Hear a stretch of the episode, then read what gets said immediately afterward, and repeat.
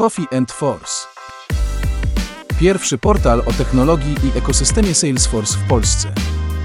Podcasty, aktualności, wydarzenia. Nie tylko przy kawie.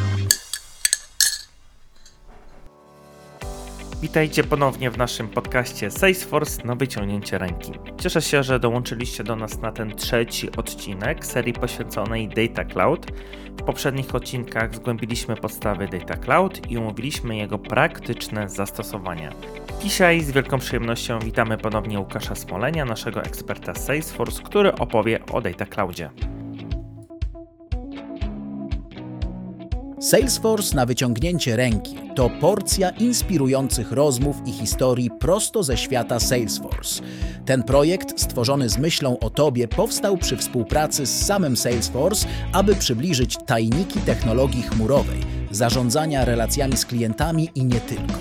Przygotuj się na dawkę inspiracji i wiedzy, która może zmienić Twoje spojrzenie na technologię w biznesie. Zrelaksuj się Bądź z nami i odkrywaj nieznane zakątki Salesforce w każdym odcinku.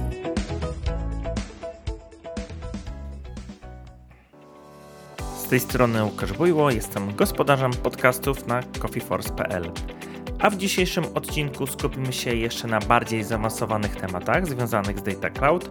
Porozmawiamy o tym, kto może obsługiwać Data Cloud, jakie są kluczowe kamienie milowe w procesie wdrażania, na czym polega harmonizacja danych, co to jest unifikacja profilu, czym jest segment oraz jak Data Cloud współpracuje z AI.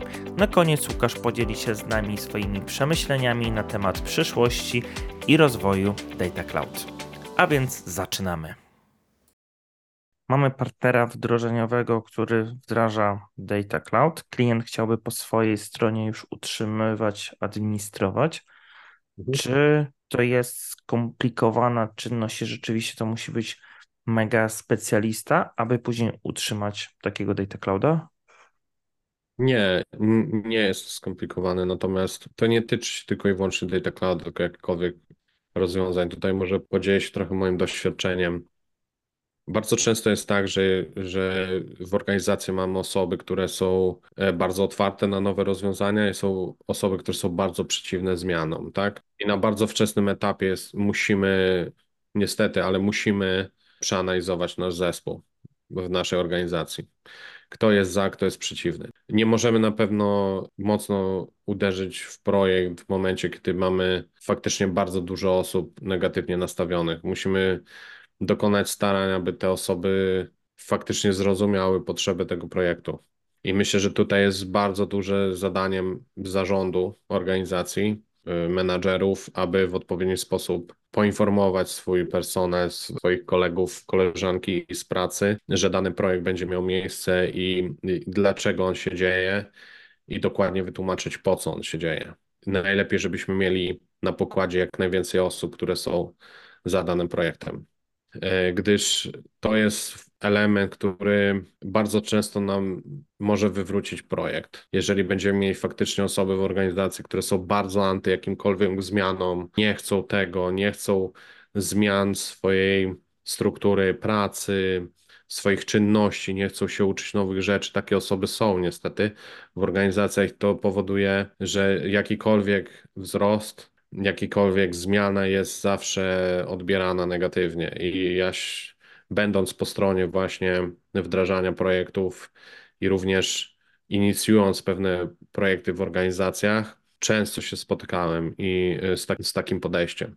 Właściwie eliminować, bym powiedział, w, na bardzo niskim poziomie, jak najszybciej. E, to jest jeden element, gdyż Osoby, które są bardzo pozytywnie nastawione na projekt, niestety zostaną w bardzo szybki sposób zniechęcone przez te osoby, które, które negatywnie są nastawione do projektu.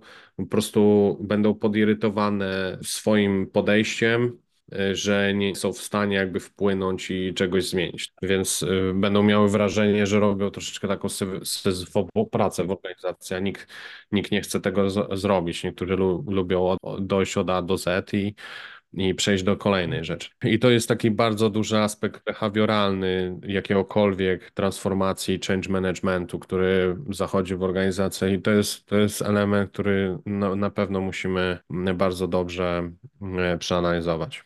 Kolejnym aspektem jest to, żeby w odpowiedni sposób podzielić sobie dany projekt na fazy i każda faza powinna dostarczać nam jakieś osiągnięcia. I te osiągnięcia musimy w odpowiedni sposób sobie zewaluować. To jest bardzo ważny aspekt, gdyż y, projekty trwają czasami trochę czasu, w zależności od trudności wdrożenia i skomplikowania wszystkich danych i części ruchomych w organizacji. I ważne, żebyśmy byli w stanie każdą fazę, każdy ten kamień milowy, który przekraczamy, udokumentowali w odpowiedni sposób, uzasadnili. Gdyż to wpływa potem raz, że zwiększa morale i zarządu, i e, całej organizacji, pozwala e, brnąć z tym projektem do przodu. I to są takie ważne, ważne aspekty, które warto tutaj zauważyć. Mógłbyś powiedzieć, jakie mogłyby być takie kamienie milowe przy wdrożeniu Salesforce Data Clouda?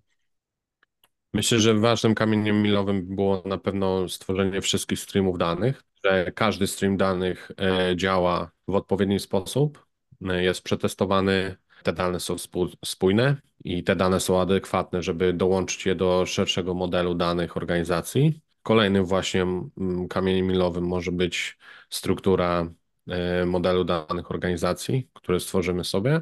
W momencie, jak to już wszystko mamy, to mamy ten aspekt integracji danych i harmonizacji danych w dużym stopniu zaadresowany. Kolejnym kamieniem milowym może być unifikacja profilu klienta i wszystkich danych o kliencie. I tutaj też to jest, to jest element, który właściwie jest, dzieje się w, w rozwiązania out of the box, musi być tylko w odpowiedni sposób za, zaadresowany.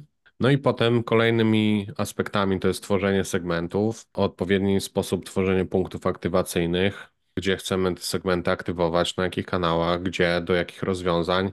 Czasami segment chcemy aktywować do CRM-a, czasami chcemy segment aktywować do Marketing Clouda, czy, czy do Tableau, czy do jakiegokolwiek innego rozwiązania BI. I to są takie aspekty, gdzie moglibyśmy tutaj mówić o kamieniach milowych i na końcu E, finalnie otrzymujemy rozwiązanie, które raz jest w stanie przyjąć wszelkie dane w naszej organizacji, w odpowiedni sposób je uspójnić, zharmonizować, zunifikować wszystkie profile, posegmentować wszystkie dane w odpowiedni sposób, tworzyć te dane na odpowiednie punkty aktywacyjne. I tak bym to podsumował.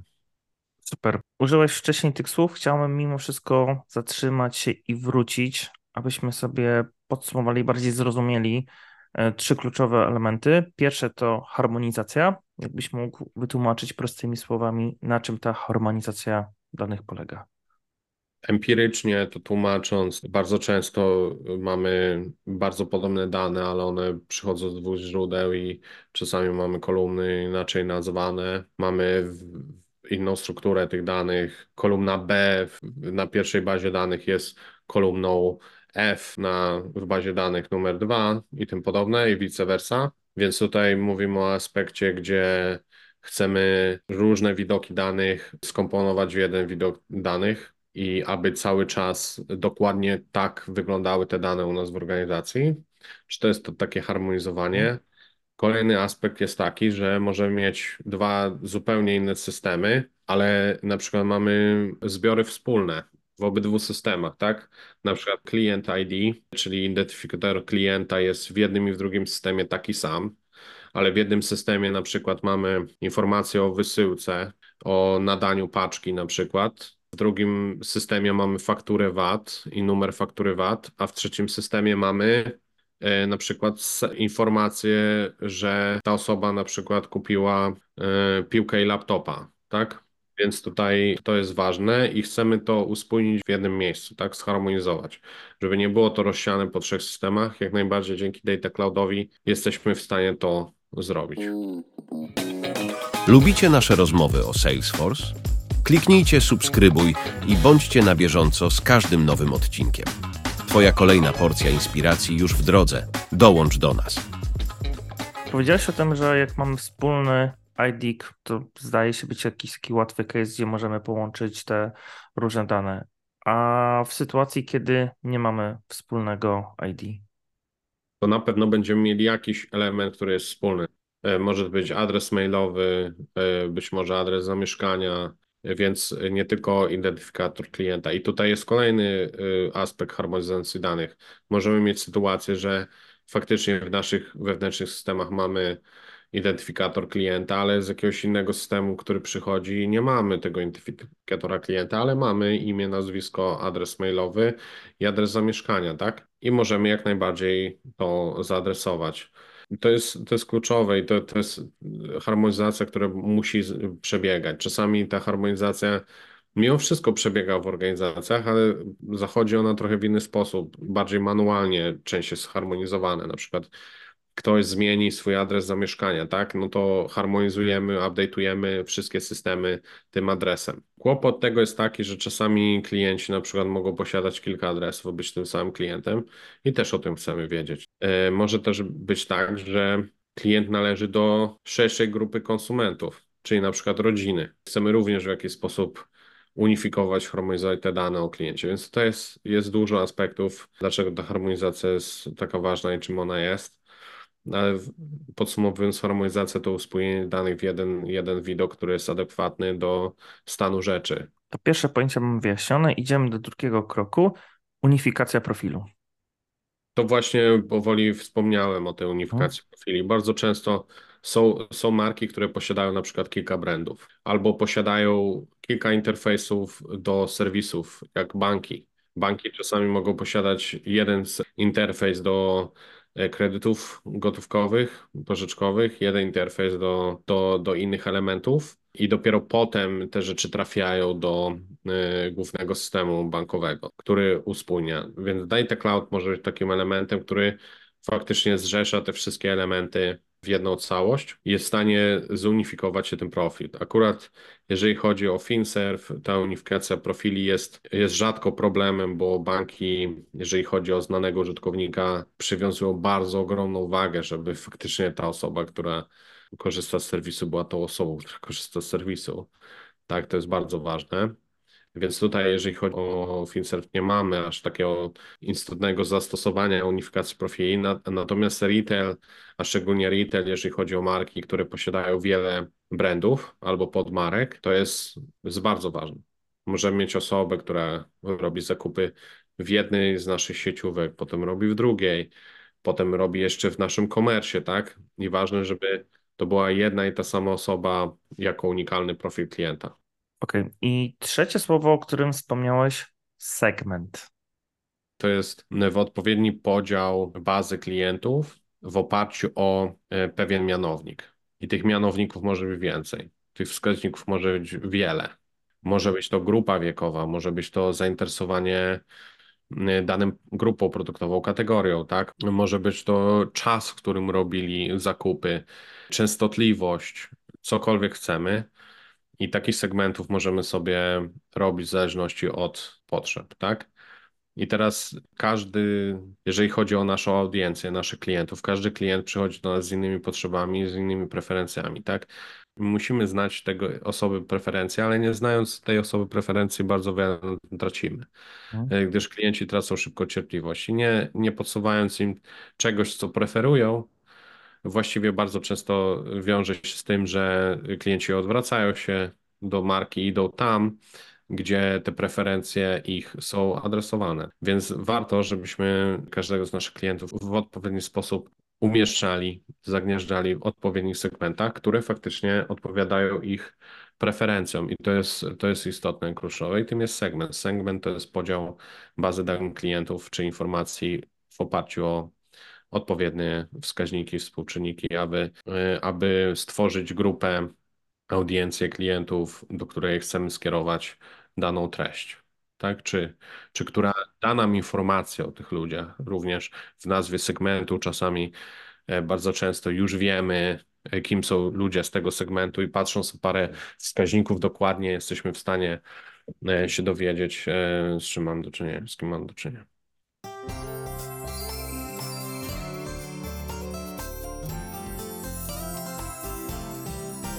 coffeeforce.pl Mamy wyjaśnione takie pojęcia, funkcje i wiemy, jak Data Cloud funkcjonuje. W ostatnim odcinku naszego podcastu rozmawialiśmy troszeczkę o sztucznej inteligencji, o AI-u. I tu chciałbym Cię podpytać, czy Salesforce Data Cloud wykorzystuje AI? Tak, oczywiście. Jeżeli mówimy o artificial intelligence, sztucznej inteligencji, Salesforce inwestuje w sztuczną inteligencję od kilkunastu lat. Także to nie jest nowa rzecz, która się pojawia w Salesforce. Także jeżeli chodzi o sztuczną inteligencję, bardzo wiele e, komponentów e, sztucznej inteligencji działa w Salesforce od, od wielu, wielu lat. I działa to pod, pod nazwą Einstein AI u nas, tak. I to jest nasza sztuczna inteligencja Salesforce'a, która wspiera bardzo wiele rozwiązań Salesforce.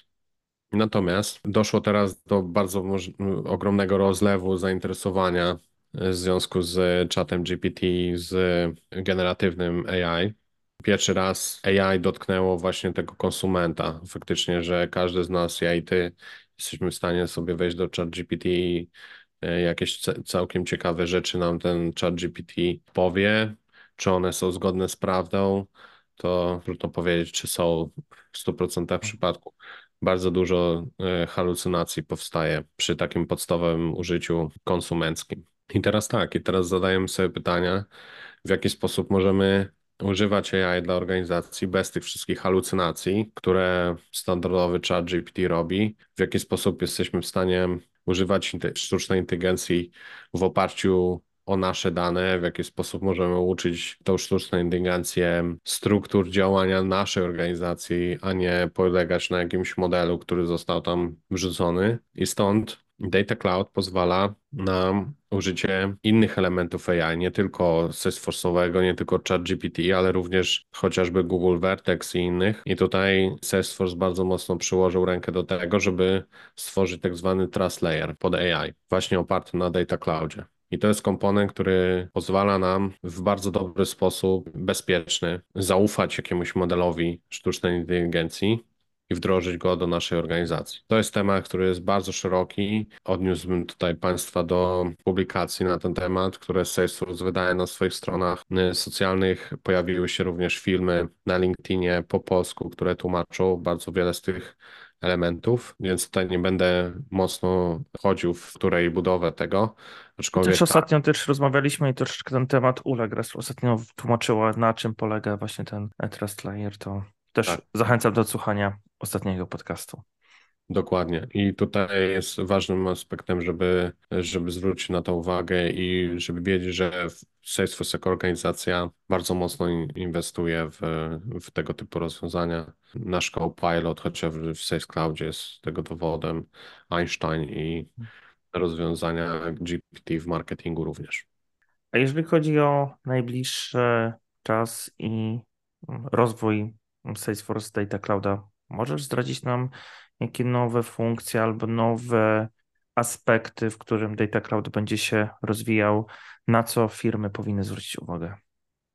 Na pewno cały czas w dalszym ciągu rozwijany aspekt jest jest taki, aby Data Cloud był jak najbardziej integrowanym się rozwiązaniem na rynku, nie powodował tak zwanego vendor locka, nie powodował mhm. sytuacji, gdzie jesteśmy zmuszeni korzystać tylko i wyłącznie z Salesforce'a, więc tutaj y, Salesforce bardzo mocno inwestuje w wszelkie partnerstwa. Google Cloud AWS, y, Microsoft, y, Databricks, Snowflake i tym podobne, więc to jest ważny aspekt, więc na pewno w tą stronę będzie się rozwijał będzie się rozwijał na pewno wydajnościowo, to znaczy e, będziemy się starali jeszcze bardziej przyspieszać wszelkie procesy, które na danych przebiegają w, w Data Cloudzie i to e, cały czas w dalszym ciągu rozwijane. Kolejnym aspektem, który będzie bardzo mocno rozwijany, no to ten AI Builder, który będzie w Data Cloudzie i cały ten Trust Layer związany z AI-em. Chcemy, aby Data Cloud stał się interfejsem, na którym możemy korzystać z bardzo wielu modeli e, AI-owych do użytku naszej organizacji. Na pewno w tą stronę będzie szedł. No i będzie szedł w stronę jak najbardziej zwięzłej integracji z jakimkolwiek rozwiązaniem Salesforce. I być może będzie tak, że w, w, w przyszłości te, te rozwiązania będą się łączyły w jedną całość albo będą modułami, komponentami jednej spójnej całości. Super, więc czeka nas duży rozwój, dużo nowych możliwości, które w przyszłości się pojawią. Dziękuję Ci Łukasz za mm, podcast, nagranie. Był to dla nas kluczowy aspekt, ponieważ tak jak wspomniałem na samym początku, Salesforce Data Cloud jest, się okazało, potwierdzam, już nie nowym produktem, tylko w nowej wersji odświeżonym i zrozumieliśmy na czym polega Data Cloud, jakie są kluczowe aspekty, jak można wykorzystać. Dzięki też za przedstawienie use case'ów. Poznaliśmy na czym polega harmonizacja, segmentacja czy unifikacja profilu i jaka jest tak naprawdę moc Data Clouda. Moim waszym gościem był Łukasz Smoleń, ekspert między innymi również od Salesforce Data Clouda. Dzięki jeszcze raz Łukasz za poświęcony czas i twoją ekspertyzę. Dziękuję serdecznie Łukaszu. Zapraszam Państwa do kontaktu. Coffee and Force. Pierwszy portal o technologii i ekosystemie Salesforce w Polsce.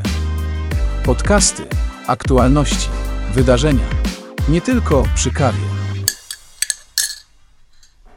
coffeeforce.pl